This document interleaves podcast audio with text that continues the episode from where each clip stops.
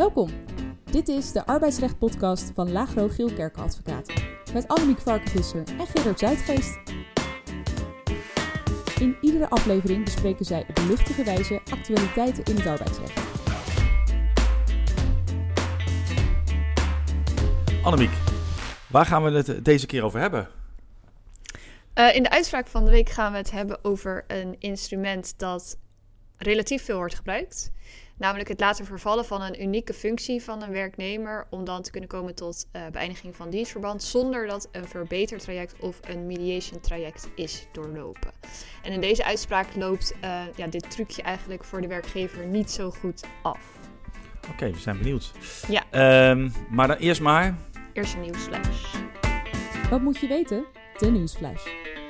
Ja, echt nieuws is. Recent ben ik met een team van uh, ons kantoor geweest bij een of andere quiz. Mhm. En een van de vragen was, doet helemaal verder niet de zaak voor de podcast, maar een van de vragen was: hoeveel gram virussen, schimmels hebben wij in ons lichaam? Gemiddeld genomen. Virussen? Virussen en schimmels. Schimmels, oh. En bacteriën. Niet, die die, die Oh. moeten we niet vergeten. Ik denk, aan jouw gezicht te zien is het echt heel veel. Aan mijn gezicht te zien is het echt heel veel. nee, maar meer. Oké, Ja. Maar wat is het antwoord? 1500 gram.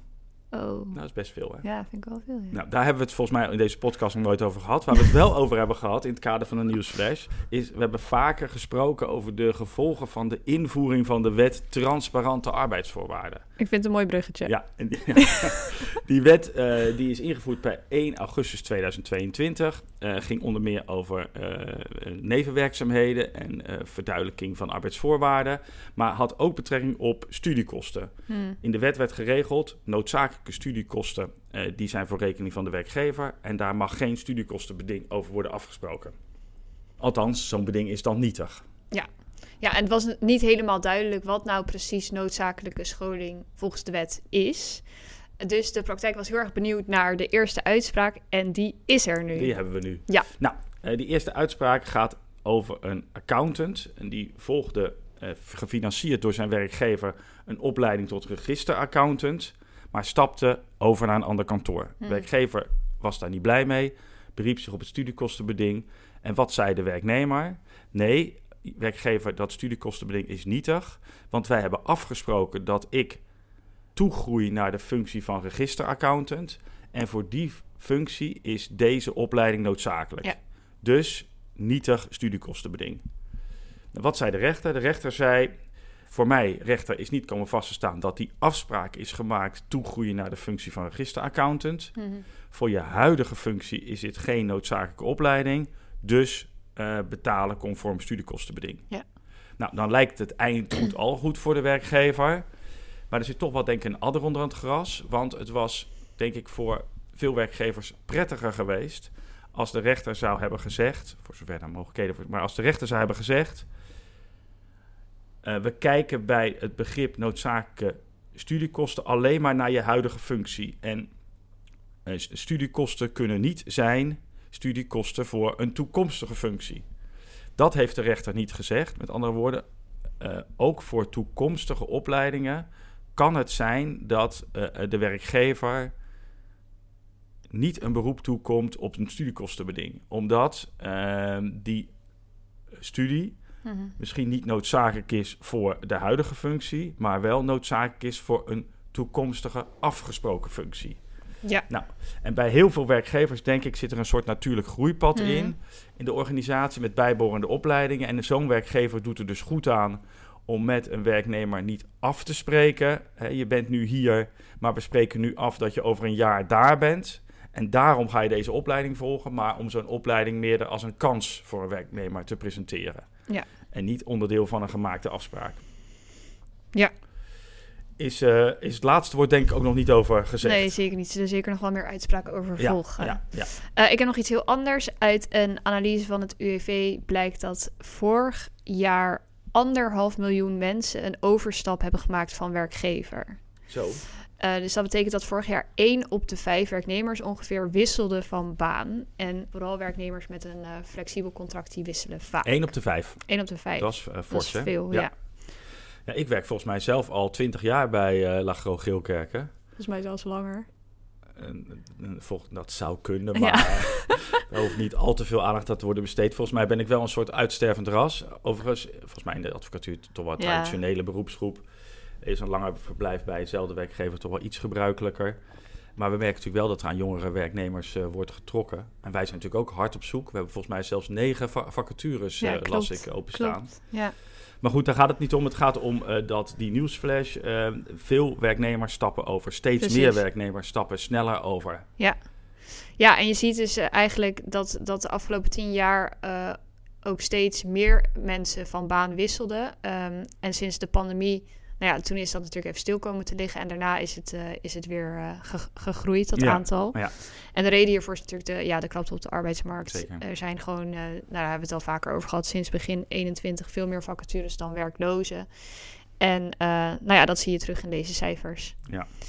Ja. Dat is ook logisch, denk ik. Hè? Ja. En ik denk ook dat de huidige inflatie maakt ook dat de werknemers scherper dan voorheen naar het salaris kijken. Hmm. En dat heeft natuurlijk wel grote gevolgen voor, voor werkgevers en voor hun uh, werknemersbestand.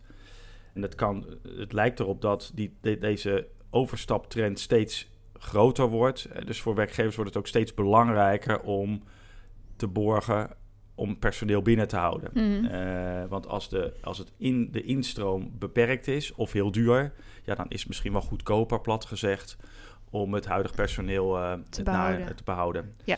En dat is denk ik goed voor werkgevers. Doen natuurlijk alle werkgevers ook om daarover uh, over na te denken. Ja, hebben we natuurlijk ook eerder een podcast zeker, over gemaakt. Zeker, maar dat het zo fors was, 1 op de 5 ja. in één jaar, is natuurlijk echt wel best wel bijzonder. Ja, klopt.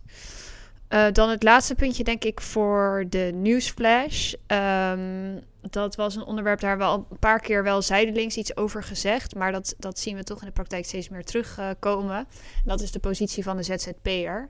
En uh, sommige ZZP'ers die genieten de bescherming op grond van Europese richtlijnen. De Europese richtlijnen hebben een eigen werknemersbegrip en dat wijkt iets af van het Nederlandse werknemersbegrip. Ja, en daarmee is het iets ruimer dan alleen maar werknemers. Ja, ja, precies. Dus soms als, als ZZP'ers ja, iets meer naar het werknemers, ja, naar een werknemer um, neigen, dan vallen ze dus eerder onder zo'n Europese richtlijn. En in een recent arrest van het Europese Hof ging het dan om een ZZP'er die had een filmpje geplaatst op YouTube ter bevordering van de tolerantie voor partners van hetzelfde geslacht. Ja. En die kreeg naar aanleiding van het plaatsen van dat filmpje kreeg hij van zijn opdrachtgever geen nieuw contract of geen nieuwe, nieuwe opdracht. Mm en daarvan zei het Europese Hof, nou deze ZZP'er die valt onder de beschermingssfeer van de richtlijn.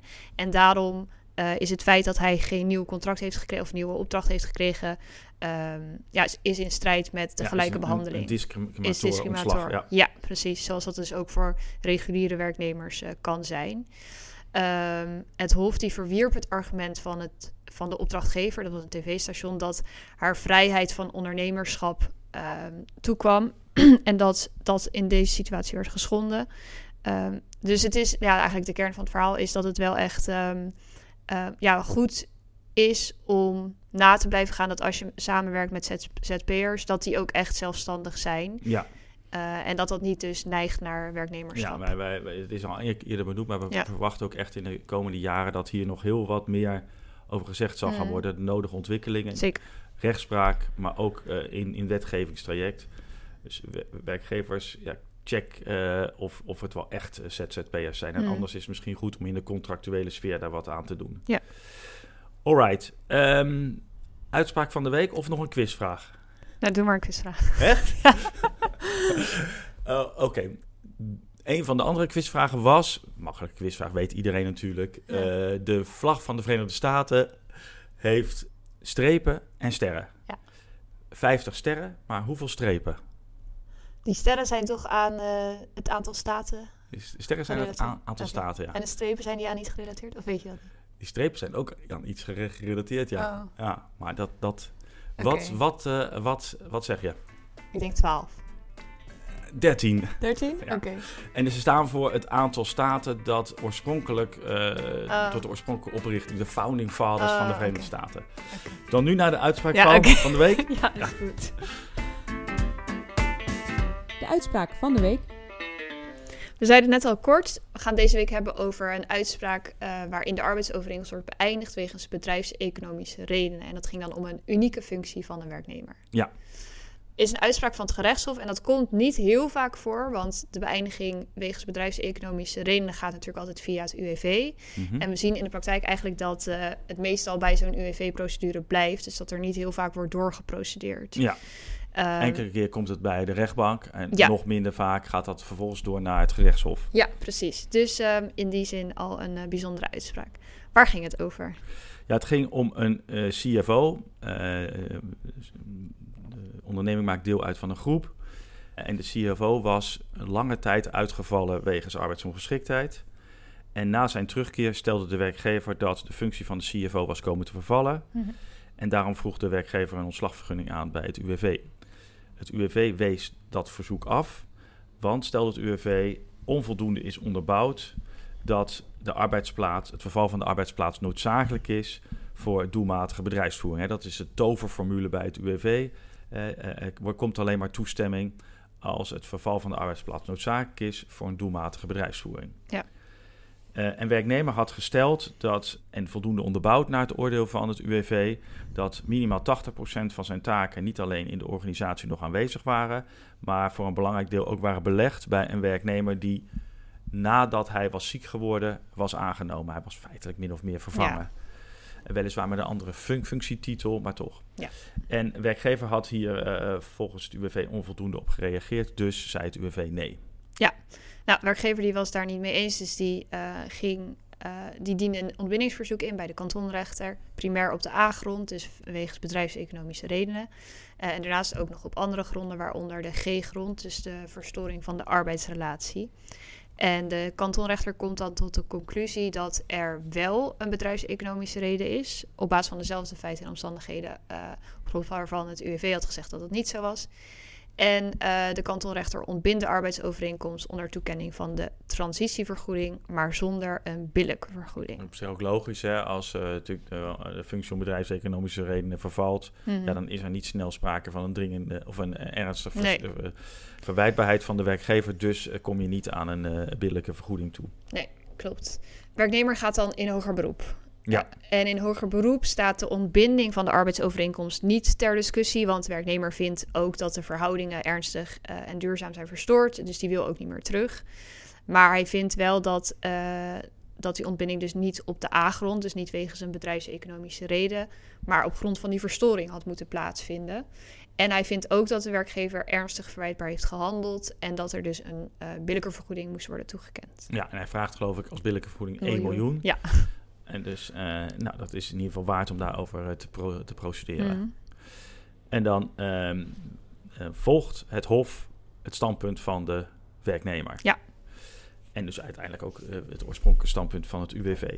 De kantonrechter had gezegd: ja, de uh, werkgever is in beginsel vrij om de organisatie in te richten zoals hij zelf wil. Op Mhm. zichzelf is dat juist. Ja. Maar daarbij moet natuurlijk wel aan de, aan de ontslagregeling die bij de UWV geldt worden voldaan. En daaraan toetst uh, het Hof redelijk streng. Mhm. En het Hof volgt het UWV, zoals ik al zei, en vindt dat uh, onvoldoende duidelijk is geworden dat die functie daadwerkelijk is vervallen en dat die werknemer, even plat gezegd, niet feitelijk gewoon is vervangen. Mhm. En het uh, Hof stelt, werkgever heeft niet aangetoond dat het noodzakelijk was dat er uh, die functieopheffing plaatsvond. Werknemer had gewoon moeten kunnen terugkeren Ja. naar ar arbeidsongeschiktheid. Ja. Het Hof oordeelt zo wel van, nou, er is inderdaad verstoring van de arbeidsrelatie en kent een vergoeding toe, billijke vergoeding toe van 125.000 euro. Ja, fors. niet, niet de miljoen, Nee, maar wel nog ruim een jaarsalaris. ja, precies.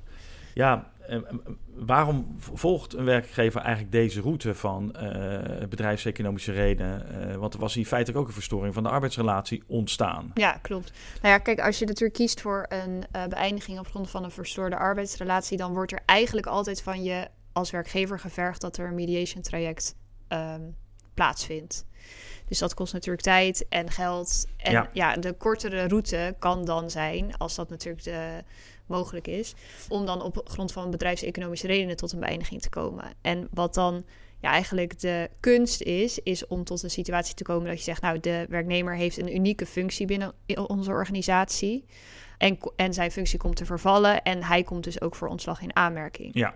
Want als je natuurlijk geen unieke functie hebt, dan moet je afspiegelen binnen de, de ja, uitwisselbare functies. Dus dan wordt het lastiger om ook precies op die werknemer uit te komen.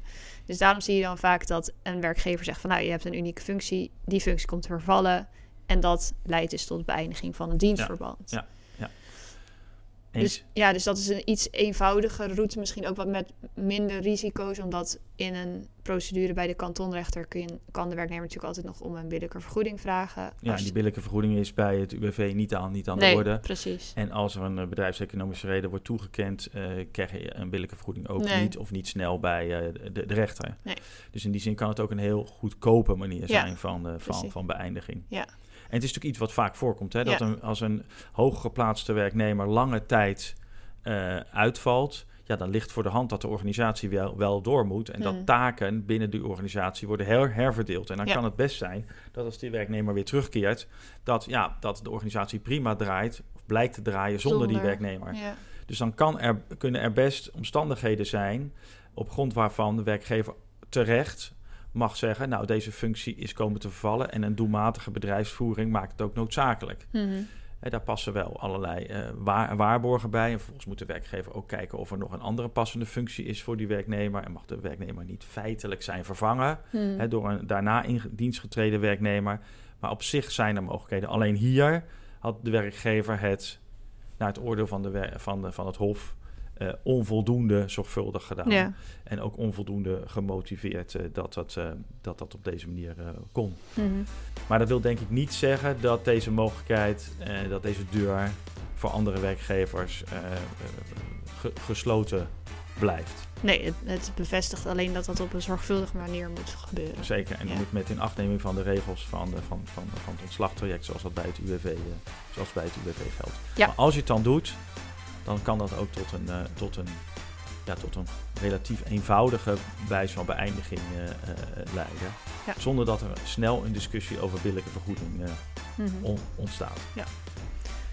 Oké, okay, dat was hem denk ik voor deze. Ja, dat was het alweer. Ja. Dan kijk ik uit naar, naar de volgende. Geen, ja. geen quizvraag maar meer, denk ik. Nee, ik denk dat het. Ik denk, dank voor het, voor, ja. voor het luisteren en tot de volgende keer. Tot de volgende keer.